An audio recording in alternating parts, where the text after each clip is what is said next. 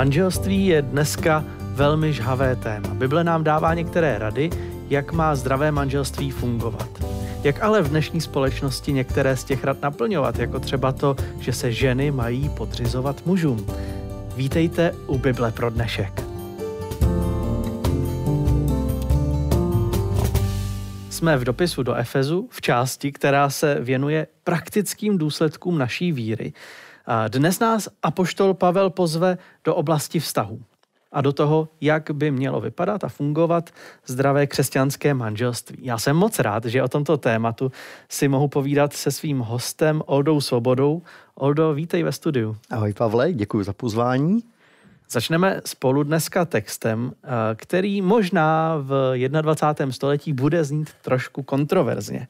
Eh, v páté kapitole listu Efeským od 21. verše čteme – v poddanosti Kristu se podřizujte jedni druhým.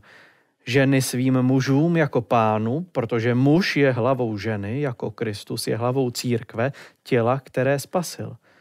Ale jako církev je podřízena Kristu, tak ženy mají být ve všem podřízeny svým mužům.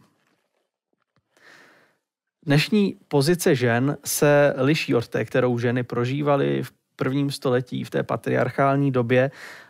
Podřízenost žen mužům židovská kultura zakládala třeba na tom známém příběhu ze začátku Bible, že Eva byla stvořena až jako druhá z boku Adama. Častou židovskou modlitbou bylo Bože díky, že si mě nestvořil jako pohana, jako otroka nebo jako ženu. A to dneska někde říct, tak eh, by byl oheň na střeše. A já vím, že to je komplikovanější, oba dva jsme eh, muži, ale Oldo, v čem se liší pozice žen v prvním století a dneska? Uh, ono se nedá dneska úplně černobíle říct, jaká byla ta historická pozice žen v tom smyslu, že by to bylo jednotné. Když se mhm. podíváme do dějin, eh, ať do těch velkých světových, nebo možná úžej do těch biblických, eh, bylo to někdy pestré. Často záleželo na oblasti, na regionu, někdy na čase, na té společnosti, která tam byla. A můžeme sledovat vlastně celou tu pestrou mozaiku od starověkých společností, kde žena měla až božské místo mhm. a byla zbošťována jako bohyně až po místa, která opravdu jsou pro nás dnes děsivá, tam, kde žena byla ten poslední tvor, který neměl žádné právo, ke kterému se nikdo nechoval s úctou. Eh, samozřejmě, že eh, v době, do které píše apoštol Pavel list efeským, promlouvá do světa antiky, kdy na jednu stranu si žen cenili, protože měli důležité místo v té společnosti, ale přesto ta jejich role nebyla v žádném případě taková, jakou bychom si asi dnes představovali, že tak se chováme k člověku, který má nějakou hodnotu. Eh, to bylo pohanské prostředí, eh, kdy muž měl absolutní častokrát autoritu, ale zajímavé, ty si vzpomněl i to židovské prostředí, hmm. které bylo podobně nevyvážené. Jak si říkal, někdy to pohrdání ženami bylo až tak velké, že děkovali Bohu, že nejsou ženy. Hm? Ale na druhé straně, když se dobře podíváme, tak to nebylo dáno Tórou, poselstvím božího slova, hmm. kdy naopak eh, Bůh chtěl ve srovnání s okolním světem, aby ta žena měla eh, výrazné postavení, aby byla vždycky vnímána jako boží dítě, které, které je stejně hodnotné jako muž. A možná jenom krátce ve starém zákoně jeden z příběhů, který silně ovlivnil židovské chápání, je slavný příběh královny Ester, eh, který je postavený právě na tom zvláštním paradoxu protože celý příběh v knize Ester začíná tou diskuzí, když král má vyhnat svou ženu, která ho neuposlechla a celou dobu tam jeho spolupracovníci argumentují, ty ji musíš potrestat, protože ona jako žena neposlechla tebe chlapa hmm. a jestli se to rozkřikne po království, tak si naše ženy budou myslet, že nás chlapi nemusí poslouchat. A na tom je postavený celý ten příběh. A on je zvláštní tím, že dokud chlapi si vynucují svou autoritu, věci jdou k horšímu. Mm-hmm. Teprve až se to obrátí, a pak je ten paradox, kdy Ester nakonec řekne, a teď já říkám, tak se věci posunou. Takže ukazují už tyhle příběhy i pro židovský svět, ve kterém vyrůstala první církev, že pán Bůh vidí věci trošku jinak než někdy většinová společnost. Hmm. Já věřím, že pro tehdejšího čtenáře nebo posluchače těch biblických příběhů mohlo být dost často zarážející, že je tolik hlavních hrdinek biblických, mm. které jsou v božích očích velmi důležité. My se stále bavíme o té binaritě muž a žena. A v dnešní společnosti velmi často tyhle sociální role jsou potírány, stírány. Analytická psychologie mluví třeba o tom, že každý muž v sobě má e, ženskou část, žena v sobě má mužskou část. Já se chci zeptat, jak jde v dnešní e, době to biblické rozdělení na podřizující se ženu a sice milujícího, ale nadřazeného muže eh, dohromady s tím, jak eh, žijeme dnes? Já myslím, že abychom pochopili, jak to vnímat dnes, musíme číst ten text, který jsi přečetl v úvodu, v kontextu celého dopisu efeským, protože ten tomu pak dá dobrý a věřím, že i nadčasový smysl. Uh-huh. Od začátku dopis efeský mluví o tom, že Kristovým záměrem dlouhodobým ve vesmíru je přivést vztahy k jednotě, k míru. Ale ta jednota je právě daná různorodostí, mm-hmm. že spojuje eh, zdánlivě protichůdné typy lidí v jedno. On tam použije právě ten obraz židé, pohané, ti, kteří byli vzdálení, kteří byli v blízcí. Oni vždycky zůstanou jiní a přesto v Kristu mohou tvořit jedno. A ta Pavlova silná myšlenka je, že takhle chce Bůh sjednotit nakonec celý vesmír.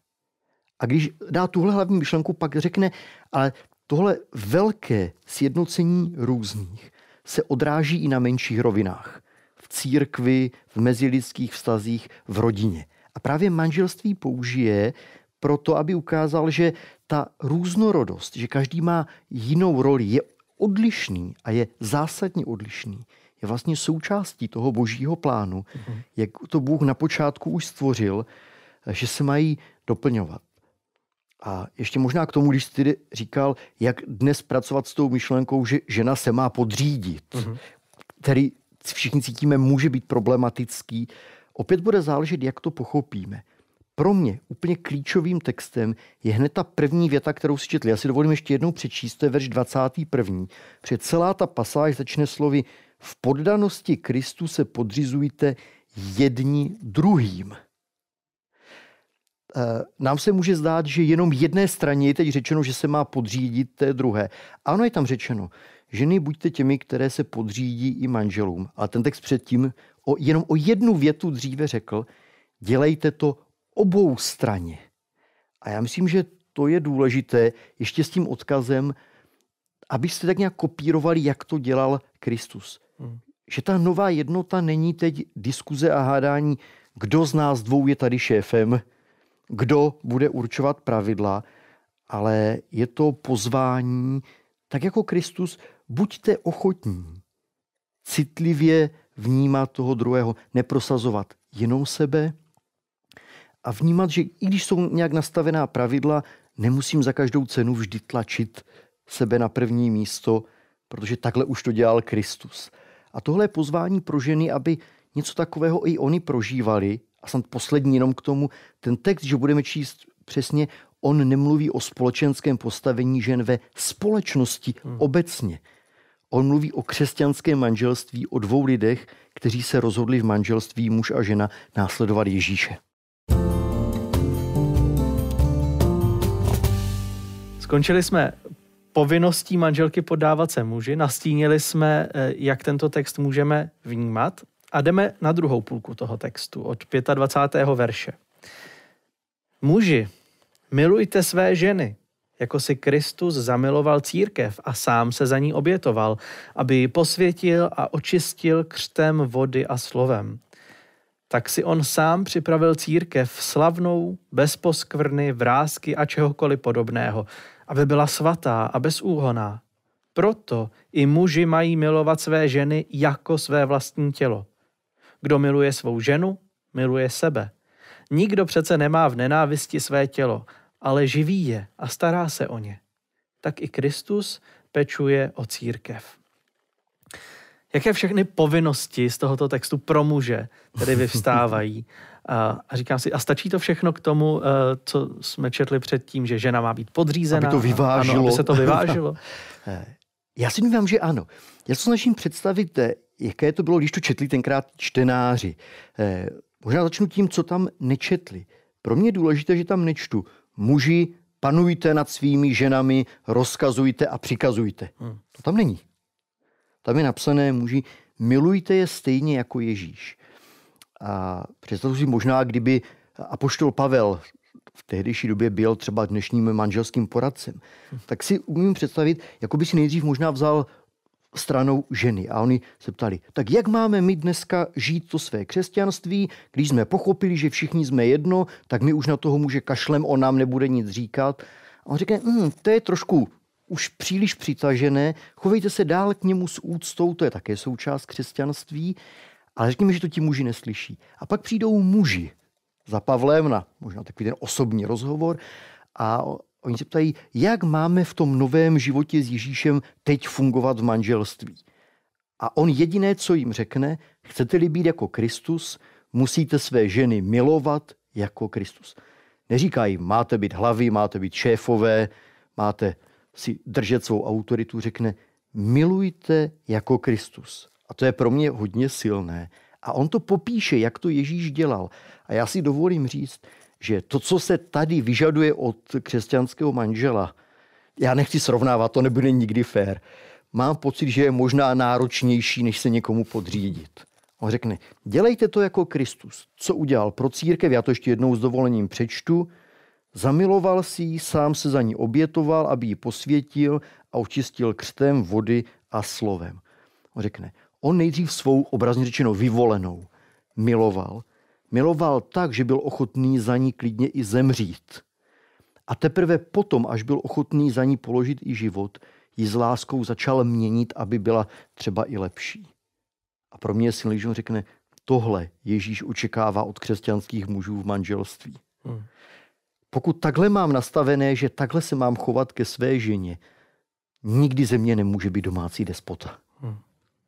Já vnímám, že eh, Pavel možná píše z určité perspektivy a proto volí eh, slovník, který volí a dneska bychom to možná eh, psali trošku jinak, protože žijeme v jiném společenském uspořádání. Ale o, o do, jaké křesťanské nadčasové doporučení tedy z toho můžeme vyčíst? Pro mě asi to nejobecnější je ten vzpomínaný 21. verš. Buďte ochotní jeden druhému víc vstříc, jeden druhému se podřídit. Myslím, že to je ta jedna z nejsilnějších křesťanských myšlenek, kterou se učíme od Ježíše a platí do vztahu mezi mužem a ženou. Být tu primárně pro druhého. Ten druhý tady není proto, abych já, já, já. Eh, Pavel na mnoha jiných místech píše, že Ježíš dal to své já, své zájmy a třeba i oprávněné nároky stranou. A myslím, že tohle je do vztahu něco jedinečného a není to úplně snadné. Hmm. Eh, někdy se vzdát i toho, na co mám nárok, na co mám právo. To je to podřízení se. I když mám na něco nárok, z lásky k druhému se toho vzdám, protože vím, že tohle Ježíš udělal z lásky pro mě.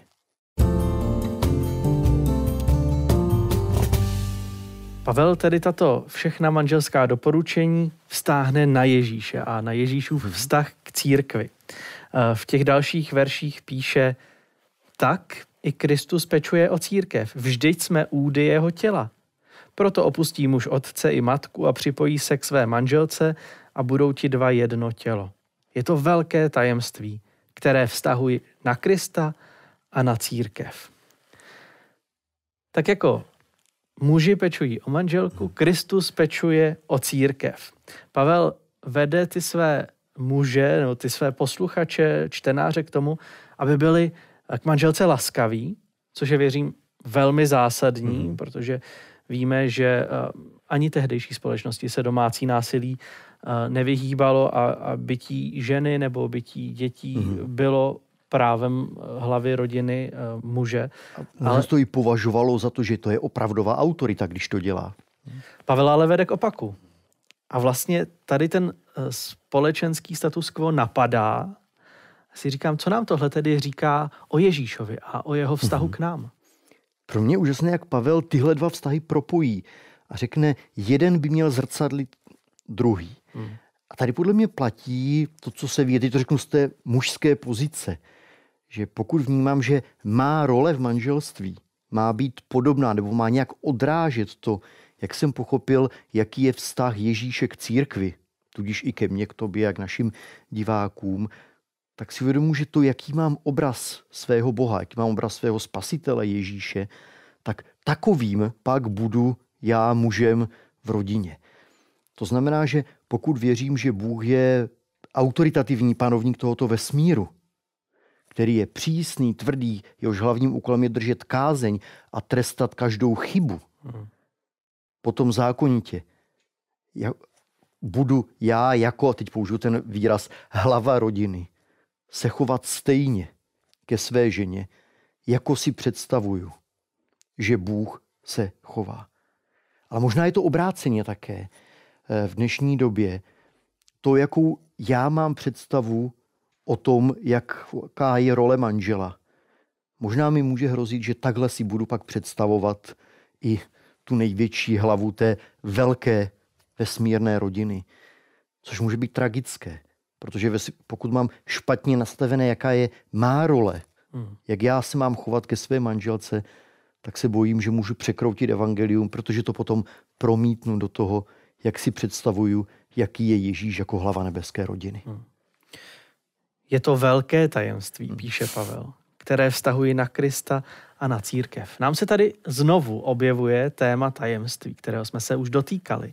A zároveň eh, se tady odhaluje, že to tajemství vlastně spočívá v jednotě, což je téma, kterého už jsme se taky mm-hmm. mnohokrát dotkli v předchozích dílech. Eh, co nám o jednotě církve můžou odhalit tyhle zásadní aspekty uplatňované v manželství? Pro mě ten klíčový pojem, který tu jednotu vyjádřuje, je jedno tělo, což je něco naprosto neobvyklého. My ten pojem vlastně známe hned ze zprávy o stvoření z počátku Bible, uh-huh. kdy Bůh stvoří muže a ženu se záměrem, aby byli jedno tělo. Aby se vzájemně i v různosti doplňovali, ale byli naprosto jedním. Tohle je to primární nastavení, jak Bůh určí lidské dějiny. A zároveň je to obraz toho, jak on chtěl to mít věci v celém vesmíru. Pro mě je silné, protože když řekneme muž a žena, tělo, tak si představíme ten nejbližší vztah, láska, dokonce je tam ten obraz i sexuality, samozřejmě, když se mluví o jednom těle. A Pavel řekne, tohle je přesně obraz, co Ježíš chce prožívat s námi. Jako se společenstvím těch zachráněných. Být jedno tělo. Hmm. Patřit k sobě. Všichni že nás má rád stejně, jako když zamilovaný muž miluje svoji ženu a chce s ní prožít celou věčnost. A mě tohle pomáhá možná teďka z, toho, z té mé lidské perspektivy se trošku opatrněji dívat i na církev v její slabosti, nedokonalosti a jejich chybách. Pavel má rád ten obraz církve, která je Kristova nevěsta, manželka, se kterou je Ježíš jedno tělo. Například jsem jsem četl článek, který byl pro mě inspirativní, který říká uh, vždycky, chcete-li naštvat ženicha, začněte mu kritizovat jeho nevěstu, kterou si vybral. A byla to myšlenka, ne, že by byla církev nebo jakýkoliv člověk nekritizovatelný, to je v pořádku, ale jde spíše o způsob. Eh, ty sám asi mi dal za pravdu, že kdyby někdo začal tvou ženu veřejně kritizovat, to se nedělá. I kdyby měl pravdu, tak ty musíš být první, který se za ní bude být. Ano. A Ježíš takhle miluje církev. Ví, že je nedokonalá, protože jsme tam četli, že ale ji nejdřív miloval až na smrt. A chce ji měnit, protože ví, že potřebuje v něčem změnit. Hmm. Ale nesnáší to, když mu někdo jeho nevěstu kritizuje a nemiluje ji tak, že by byl ochotný za ní zemřít. A tohle bych se chtěl učit jak tu velmi nedokonalou církev, a teď tím nemyslím jenom svou denominaci, ale ty boží děti na celém světě. Jak je milovat jako Ježíš tu svou nevěstu, se kterou je jedno tělo. Je mu líto, že je nedokonalá, je mu líto jejich chyb, ale přesto ji miluje, že by za ní položil život. To je silná myšlenka. Oldo, díky za to, že si nás s nadhledem provedl společností prvního století a, a nabídl nám i východiska, o kterých můžeme uvažovat dnes v 21. století. Budu se těšit zase za týden. Děkuji, budu se těšit taky. Představit Ježíše lidem je přirozená touha křesťana. Někdy ale váháme nad způsobem, aby to bylo účinné, srozumitelné a hlavně věrohodné. Proto je zde veletrh evangelizace Nové zboží, kde bychom chtěli schromáždit nové projekty a nápady. Zajímají nás všechny projekty, činnosti, akce, které děláte nebo jste dělali. Ale zajímají nás také nápady a myšlenky, které se neuskutečnily. Zpětné vazby, na co si dát pozor a které cesty nebyly úspěšné. Navštivte stránky www.asi-cs.cz. Vyhledejte akci Veletrh Evangelizace 2023 Nové zboží. V závěru článku je odkaz na Google formulář nebo použijte tento QR kód. Vyplňte nám prosím všechny položky formuláře a pokud byste potřebovali s nějakou položkou poradit, volejte Honzu Libotovského. Váš zápis si co nejdříve přečteme a ozveme se vám zpět. Prosíme, neváhejte, dejte o sobě vědět. Zkusme společně připravit nové zboží na veletrh evangelizace. Vztah Boha k jeho lidu je krásný. Bůh sám se za nás obětoval, očistil nás od všeho špatného, netýrá nás, chce pro nás to nejlepší. A právě tohle všechno by se mělo promítat do vztahu s lidmi kolem nás. Připojte se k nám opět za týden u dalšího dílu Bible pro dnešek. Otevřeme spolu mimo jiné třeba otázku otroctví v poslední kapitole listu Efeským.